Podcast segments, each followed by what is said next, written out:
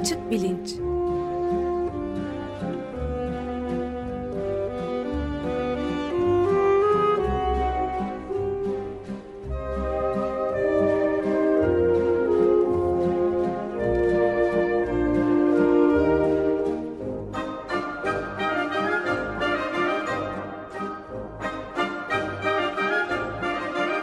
Güven Güzeldere ile bilim ve felsefe sohbetleri. Günaydın Güven Bey, merhabalar. Günaydın Ömer Bey. Günaydın Güven Bey, merhaba. Günaydın Can. Bugünkü programda eski dostlarımız konuk galiba. Programcı Ee, dostlarımız. Evet, evrim, evrim serisine devam ediyoruz ve aslında yaklaşık bir buçuk sene önce evrim konusunda e, konuştuğumuz açık bilince konuk olan, daha sonra Açık Radyo'da kendileriyle bir program yapmış olan e, Aysu Uygur ve İlker Öztop bizimle beraber. Hoş geldiniz. Hoş bulduk. Hoş merhaba. bulduk. Merhaba, Merhaba. tekrar. Tabii bu bir buçuk sene öncesinden e, bugüne kadar e, değişen şeyler oldu. E, bir kere açık bilinçte e, o zaman duyurmuştuk. Bilim kazanı Açık Radyo'da e, bir yayın dönemi boyunca e, yer aldı. Podcast olarak devam ediyor. E, Aysu doktorasını tamamladı e, ve doktora sonrası araştırmalar için Harvard'da bir başka laboratuvarda çalışmalarına devam ediyor. Neredesin Aysu? Ee, Richard Lee'nin laboratuvarında kardiyoloji departmanındayım. E, İlker de e, doktorasını tamamladı. E, New York'a yerleşti ve orada e, çok yeni bir iş teklifi almış e, durumda. Bir taraftan tiyatroculuk yaparken bir taraftan bilim e, meselelerine devam ediyor. Nerede işin İlker? Ee, Ben de Boston Danışmanlık Grubu'nda biyoteknoloji şirketlerine danışmanlık yapacağım önümüzdeki sene. E, maşallah diyoruz. Sağ olun. evet ikinize de tebrikler. Peki o zaman şimdi fakat konumuza gelelim. Evrim e, kuramı serisi içinde e, birçok şeyden konuştuk. E, şimdiye kadar e, insan genomu projesinden ve e, insanı insan yapan genetik özelliklerden de konuşmuştuk. E, bugüne kadar bu insanı insan yapan genetik özellikler e, kendi kendilerine doğanın e, doğa yasaları içinde e, değişiklik göstermiş durumdalar. Fakat artık 2015 senesinde e, bu genetik yapıyı biz kendi elimizde değiştirebilecek bir teknolojiye sahibiz. Öyle gözüküyor. Bununla da kalmıyor durum. Çok yakınlarda yayınlanmış olan bir makaleye göre Çin'de e, Sun Yat-sen Üniversitesi'nde insan genini üstünde genetik modifikasyon yapılmış ve bu e, en azından yayınlanmış bu türde ilk çalışma. E, bu çalışma nedir? Genetik modifikasyon nasıl olur? E, bu meselenin hem mekanizması hem e, etik olarak karşınıza çıkarttığı sorunlar bunları konuşalım diye e, İlker de Aysu'yu davet etmiş vaziyetteyiz. Nasıl başlayalım? Nasıl başlayalım? İsterseniz önce e, Ee, Aysu pardon, var. biraz daha yüksek e, sesle Sesle konuşursan ses şeyinde lütfen. Tabii e, bugün bu insan genomuna yapılan müdahalelerle ilgili konuda e, asıl tartışma konusu olan çalışma Çin'de e, bir araştırma grubunun yaptığı e, yeni bir teknolojiyle insan genomunu editleme çalışmasıydı. İnsan embriyolarında çalıştılar. Ama istersen İlker bu tek, yeni teknolojiye biz CRISPR diyoruz ve aslında çok yeni birkaç senelik bir teknoloji. E, tam olarak Çin'de ne yapıldığına başlamadan önce sen CRISPR teknolojisinin e, ne olduğunu kısa bir şekilde özetlemek ister misin? Ve yeni, ne yenilikler getirdi? E, neden şu an e, bu kadar şey bir konu, revaçta bir konu? Tabii tabii tabii. Ee, Senin de dediğin gibi CRISPR teknolojisi e, geçtiğimiz senelerde yaygınlaştı. Bütün araştırmacılar tarafından kullanılıyor. Aslında konsept olarak daha evvelden yaptığımız bir şey zaten. Biz model organizmalarda, farelerde, e, solucanlarda, e, sineklerde zaten genetik modifikasyon yapıyorduk. Nedir yani tam olarak?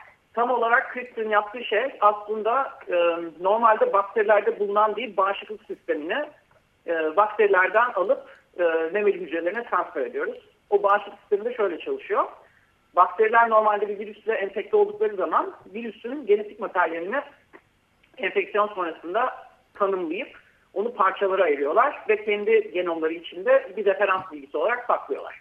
Bu referans bilgisi aynı virüsle tekrar enfekte olduklarında tarama yapmalarını sağlıyor. içeri giren yabancıları e, tanımak için. Ve benzer olan, aynı sekanslı sahibi olan, aynı referansla e, DNA bilgisine sahip olan virüsleri anında yok etmelerini, kesip biçmelerini sağlıyor. İnsanların yaptığı bu teknolojiyi, bu bağışıklık sistemini alıp tersten kullanmak oldu. Yani bir referans bilgisi vererek, referans sekansı bilgisi vererek bir istedikleri bir e, genom parçasını kesip biçme özelliğini bakterilerdeki doğal bağışıklık sisteminden insanlarda modifiye etmeye e, uygulanmış bir teknoloji haline getirdi. Yani şöyle demek istiyorum, genetik müdahale hep yapılan bir şeydi organik olarak. Ama CRISPR teknolojisindeki değişiklik genetik müdahaleyi çok daha e, nokta atışı ve kısa bir sürede bir sonraki birkaç jenerasyon geçmesine gerek yok. Aynı jenerasyonda yapılabiliyor. O hücrenin evet. içinde eş zamanlı olarak e, genetik değişiklik yapılabiliyor. Güzel güzel söyledin kesinlikle. Ee, ve yani genetik modifikasyon dediğimiz zaman o zaman e, biz bir e, dokuyu mikroskop altına e, koyup elimize neşter alıp bir şeyleri kesip biçiyor falan değiliz. Aslında bu işi başka bakterilere yaptırıyoruz. E, doğanın kendi içinde yaptığı bir şeyi e, kendi amaçlarımız için kullanır hale getirmiştir. Aynen çok güzel söyledin. Yani şey gibi de söyleyebiliriz hatta moleküler bir neşter kullanıyoruz ve moleküler neşteri de zaten doğanın daha evvelden evrimleştirdiği başka bir canlıdan transfer ediyoruz. Evet. evet. Peki e, devam edelim. Tamam. Şimdi bu genetik e, müdahalenin farkının organizmaya hemen e, uygulanabildiğini ve hemen genetiğini değiştirebilmek olduğunu söylemiştim. E, bu sefer şey sorusu akıllara geldi. Biz önceden insanlarda genetik deneyler yapamıyorduk. Çünkü insanları birbirine çiftleştirip e, genetiğiyle oynama gibi bir e, bu hiç etik bir şey değil tahmin edersiniz ki. Ama bu teknoloji sayesinde mesela e, bir insan embriyosunu alıp hiçbir zaman e, insan olmayacak. Yani mesela e, bunu şey gibi düşünebiliriz. Tüp bebek teknolojisinde birçok oluşmaya başlamış tek hücreli insan embriyosu çöpe atılıyor. Yani bunun şu an bunu etik algısını yapmıyoruz. Şimdi o çöpe atılacak embriyoları alıp e, bunun üzerinde genetik müdahale yapıp bu embriyonun gelişimini gözlemlemek. Yani insan embriyosunda genetik değişikliklerle olabilecek e, gelişimsel değişiklikleri görmek artık bir, e, bizim için bir şans, bilimsel bir mesele haline geldi. Fakat yine de etik e, tabii ki buna karşı olan insanlar vardı, tartışmalı bir konuydu. E, Batı ülkelerinin çoğunda yasak ama Çin'de e, buna kategorik olarak bir yasaklama gelmedi ve Çin'den bir grup bu e, bahsettiğimiz makalede insan embriyolarında normalde atılacak olan tek hücreli insan embriyolarında aslında hakikaten sanırım tüp bebek için kullanılacak embriyolardı bunlar. Bazı genetik müdahaleler yaptılar ve çalışmalarını geçtiğimiz aylarda yayınladılar. Ben hemen burada kısa bir şey eklemek istiyorum. Tam, tam senin dediğin gibi şu an bu e, makaleye konu olan deneydeki embriyolar zaten doğum aşamasına gelmeyecek olan embriyolardı. İkinci şey de bunun yapılmasının sebebi biz bir şeyleri değiştirip pozitif bir şeyler eklemek istediğimiz için değil. Öncelikle daha evvelden bildiğimiz genetik hastalıkları en, birinci ilk tek hücreden embriyo e, gelişme sürecinde nasıl moleküler değişimlere sebep olduğunu görmek için bir hastalık modeli olarak kullanmak. Yani biliyorum mesela hasta, A hastalığının a, genetik şeyi imzasında bir mutasyon var. Ben bu mutasyonun tek hücreden embriyoya gelişim sürecinde canlıyı ne hale getirdiğini izlemek, bunu analiz etmek istiyorum. Bunu ama o hastalık olan birinden embriyo bulmak yerine model olarak laboratuvarda yapabiliyorum bu CRISPR teknolojisi sayesinde ve o ilk aşamasını böylece gözlemleyebiliyorum. Tabii. Yani bu İlker'in bahsettiği şey aslında genelde farelerde yapıla gelen bir şey. Evet. 10 yıllardır farelerde genetik müdahaleler yapıp e, bazı mutasyonların organ gelişimini ya da organ fonksiyonunu nasıl etkilediğini zaten izliyoruz e, deneysel olarak. Fakat şimdi şöyle bir fark var. Tabii ki hiçbir zaman fare, farede bunu gözlemlemek, insanda gözlemlemek kadar keskin sonuçlar ya da e, önemli tıbbi bulgular getirmiyor. Şu an insanda bunu gözlemleme şansımız var. Zaten İlker'in bahsettiği gibi keyfi e, müdahaleler değil bunlar. İşte mavi gözlülük koyayım şuraya falan gibi değil ama Mesela bu Çin'de yayınlanan makalede beta e, taletini hastalığına bakmışlar. O da bildiğimiz Akdeniz analizi. Yani Türkiye'de de çok yoğun e, olan bir genetik e, hastalık. Özellikle İzmir'de çok, sanırım dünyada en fazla görüldüğü yer İzmir olabilir. Hı hı.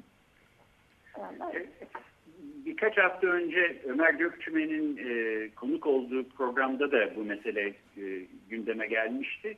E, işin etik tarafına baktığımız zaman e, artılarla eksileri e, doğru bir şekilde dengelemeye çalışmak lazım.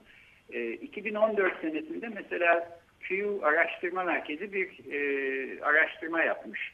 E, halk nezdinde genetik modifikasyon nasıl görülüyor diye.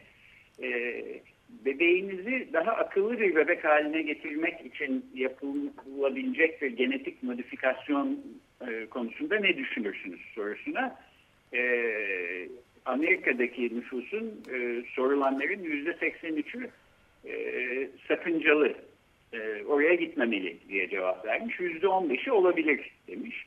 Ama soru e, ileride karşılaşacağınız, e, bebeğinizin ileride karşılaşacağı ciddi bir hastalığı e, önlemek için bir genetik modifikasyona ne dersiniz sorusuna %50'si yalnızca e, sakıncalı diye cevap verirken yüzde 46'sı e, olabilir demiş. Yani orada neredeyse yarı yarıya gelmiş vaziyette e, e, fikir ayrılığı.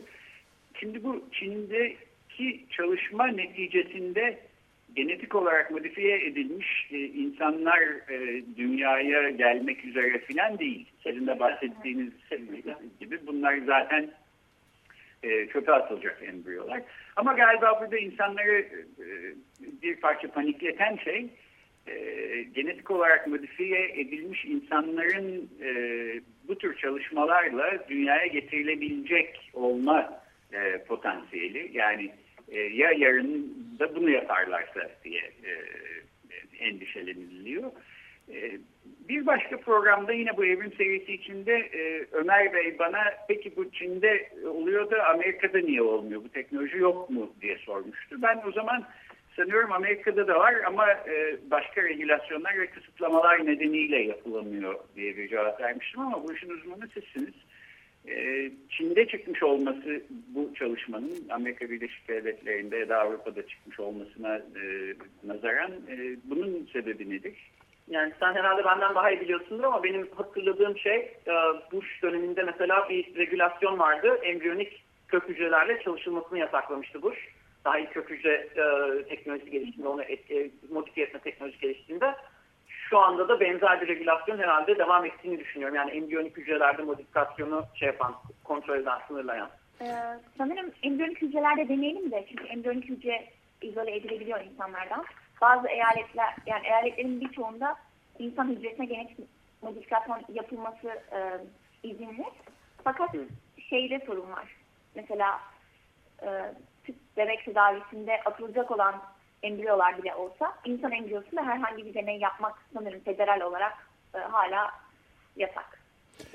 Ben bir şey sor ben bir şey sorabilir miyim? Bu kıta Çin'inden mi bahsediyoruz? Sun Yat-sen Üniversitesi dedin. Tayvan değil yani.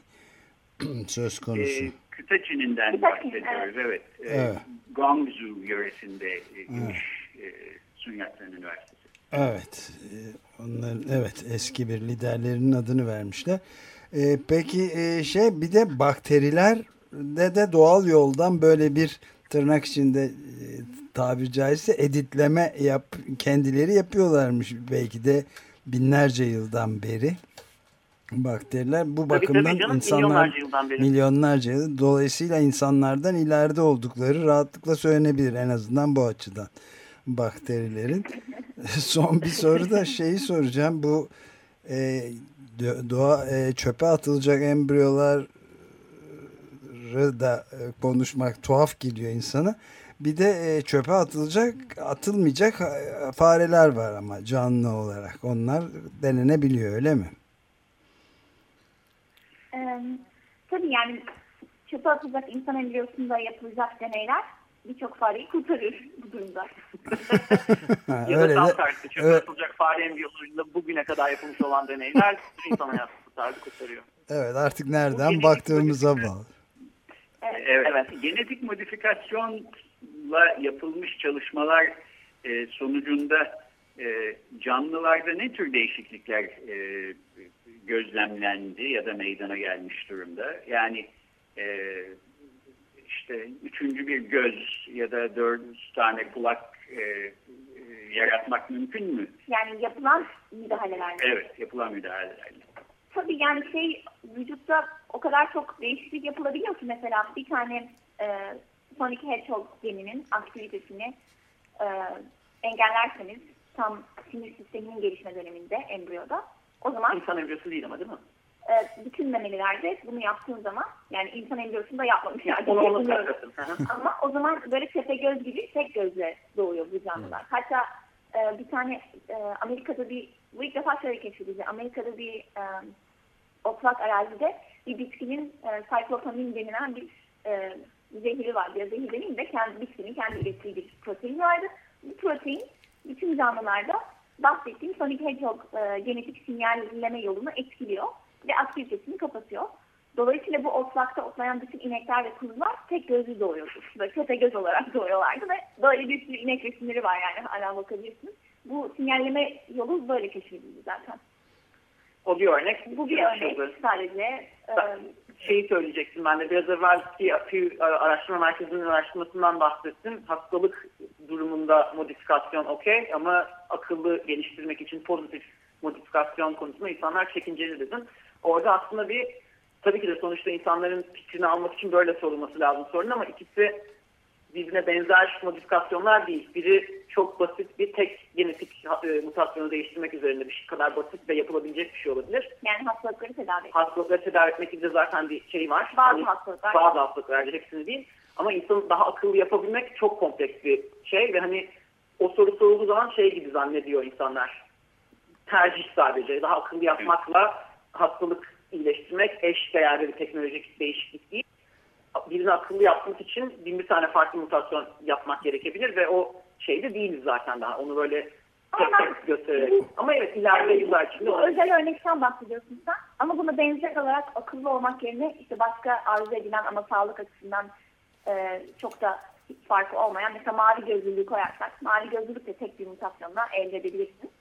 Onun karşısına hastalık koy. Yine tek bir mutasyonla tedavi edebileceğin. Bence o sorunun e, içsel değeri orada yine kalıyor. Yani bir tanesi çok da gerekli olmayan sadece e, seni daha çekici ya da başarılı yapabilecek bir özellik. Peki ben de küçücük Anladım. bir soru sorayım pardon. Ee, bu tepe göz şeklindeki ineklere e, tek gözlü yapılabiliyorsa e, özellikle geleceği kestirmekte çok daha derin bir öngörü veren, uzgörü getiren üçüncü gözü monte etmek mümkün değil mi insanlara? Ya da mesela? üçüncü kulak.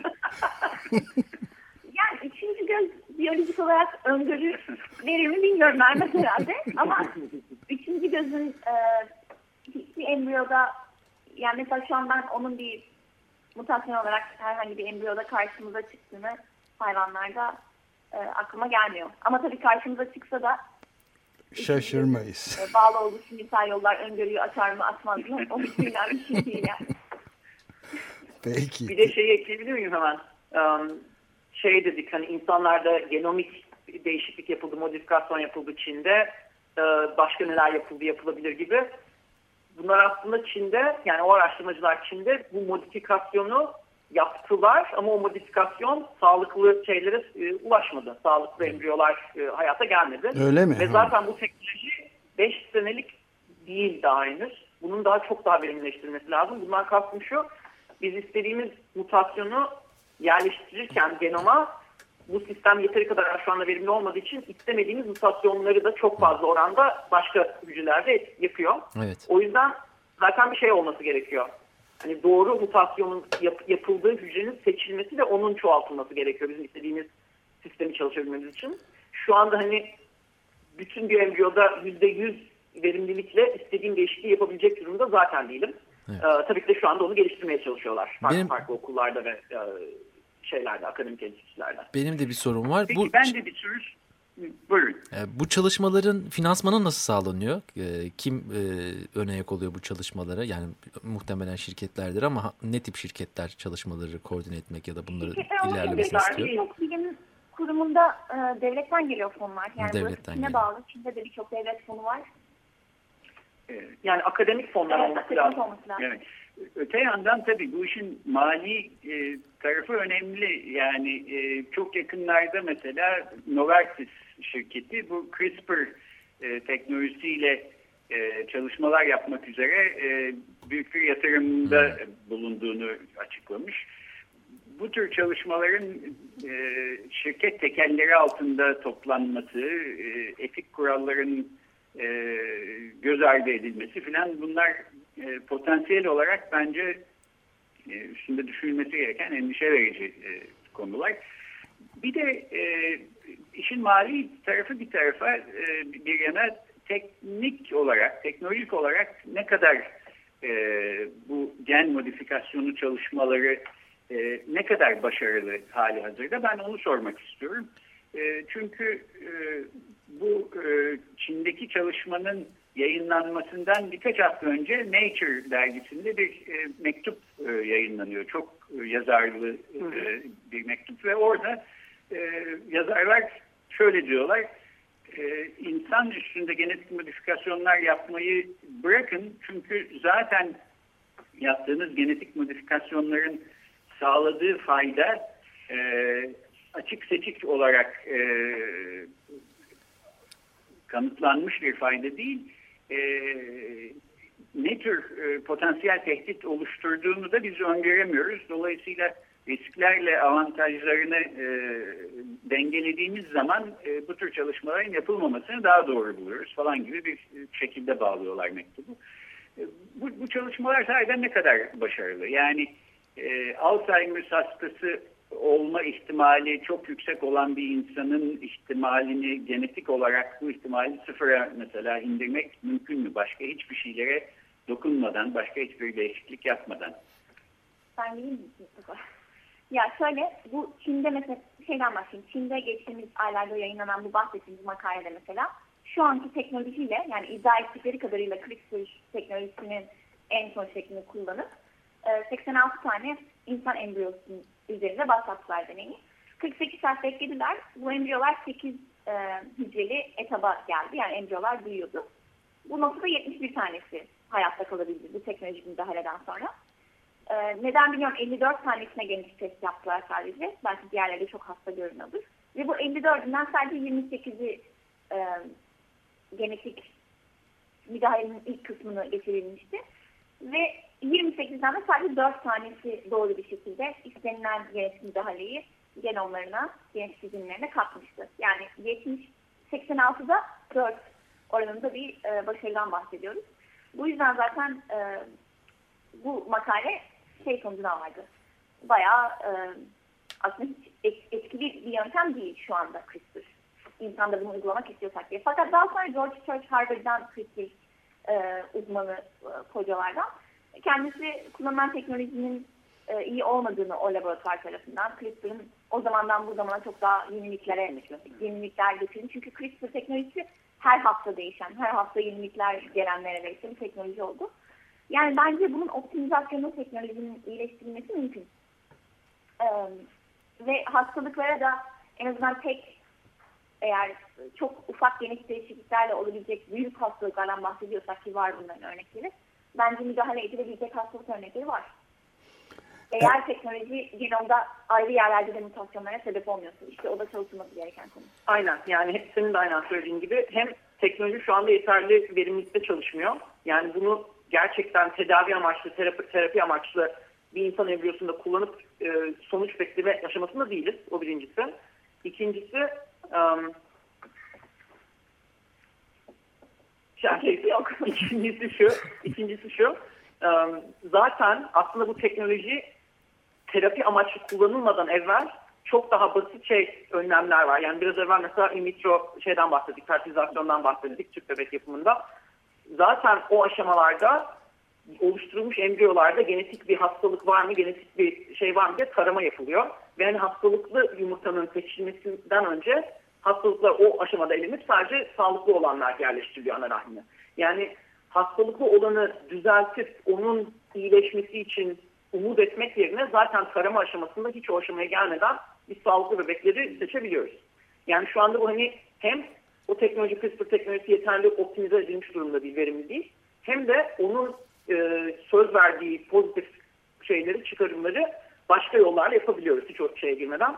Bir de demin bahsettiğim bir şey bahsetmek istiyorum. E, şirketler nasıl bunu patentlemeliler, evet. bunları nasıl geçebiliriz diye.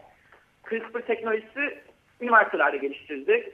San Francisco, University of California, San Francisco'da geliştirildi, MIT'de geliştirildi, Harvard'da geliştirildi. Bunu e, patentini alan araştırmacılar daha sonra patenti belli sürelerle yani limitli bir süreyle şirketlere ki genelde kendi kurdukları şirketlere lisanslıyorlar ki onlar bunu geliştirebilsin. Yani zaten patentler sonsuz değil ve hani aslında üniversitelerin kontrolünde dışarıya veriliyor. Öyle bir regülasyon var. Evet son bir evet, soru bit, e, bitmek üzere. Şeyi de sormak istiyorum. Bu patent meselesinde çok tartışmalı bir konu tabii ama niçin e, patente alınıyor böyle şeylerin de mesela Jonas Salk gibi rahmetli e, çocuk felci aşısını geliştiren e, doktor gibi ne patenti bu insanlığın şeyi deyip e, bütün açık şey yapmıyor açık kaynak yapmıyorlar. Ben hem cevap verebilir miyim?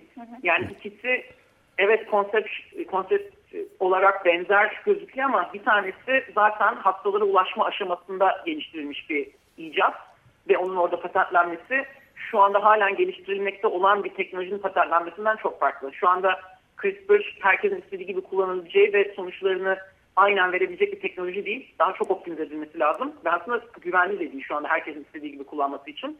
O yüzden akademilerin ve şirketlerin bunu geliştirme aşamasında bir şeylerin olması, kısa dönem bir avantajların olması teknolojinin gelişmesi için bilimsel açıdan da iyi. Yani şu anda zaten topluma ulaşacak bir noktada değil bu teknoloji. Hani herkesin e, kendi para amacıyla kullanacağı bir aşamada değil. Peki.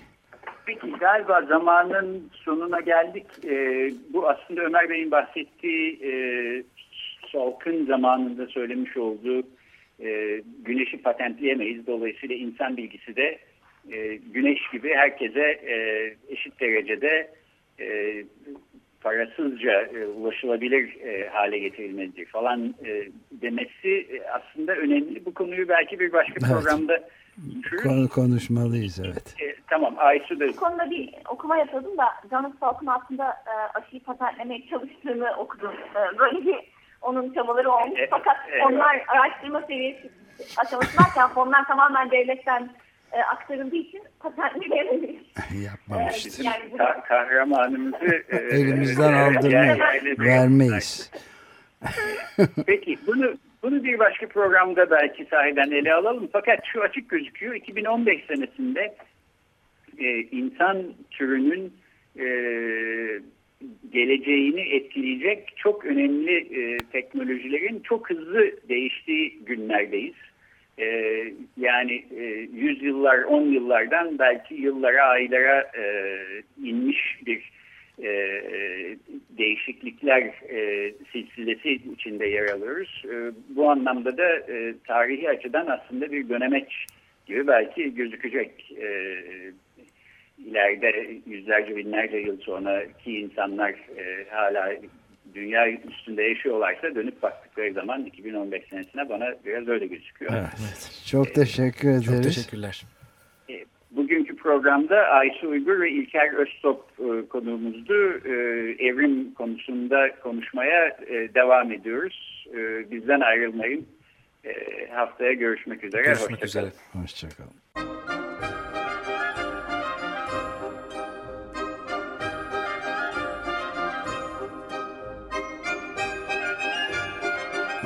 Açık Bilinç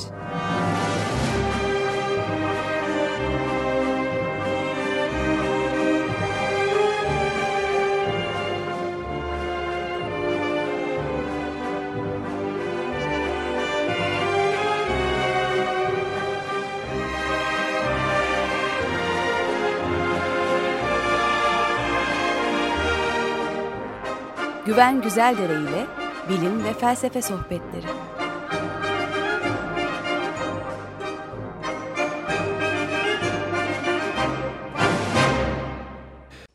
Açık Radyo program destekçisi olun. Bir veya daha fazla programa destek olmak için 212 alan koduyla 343 41 41.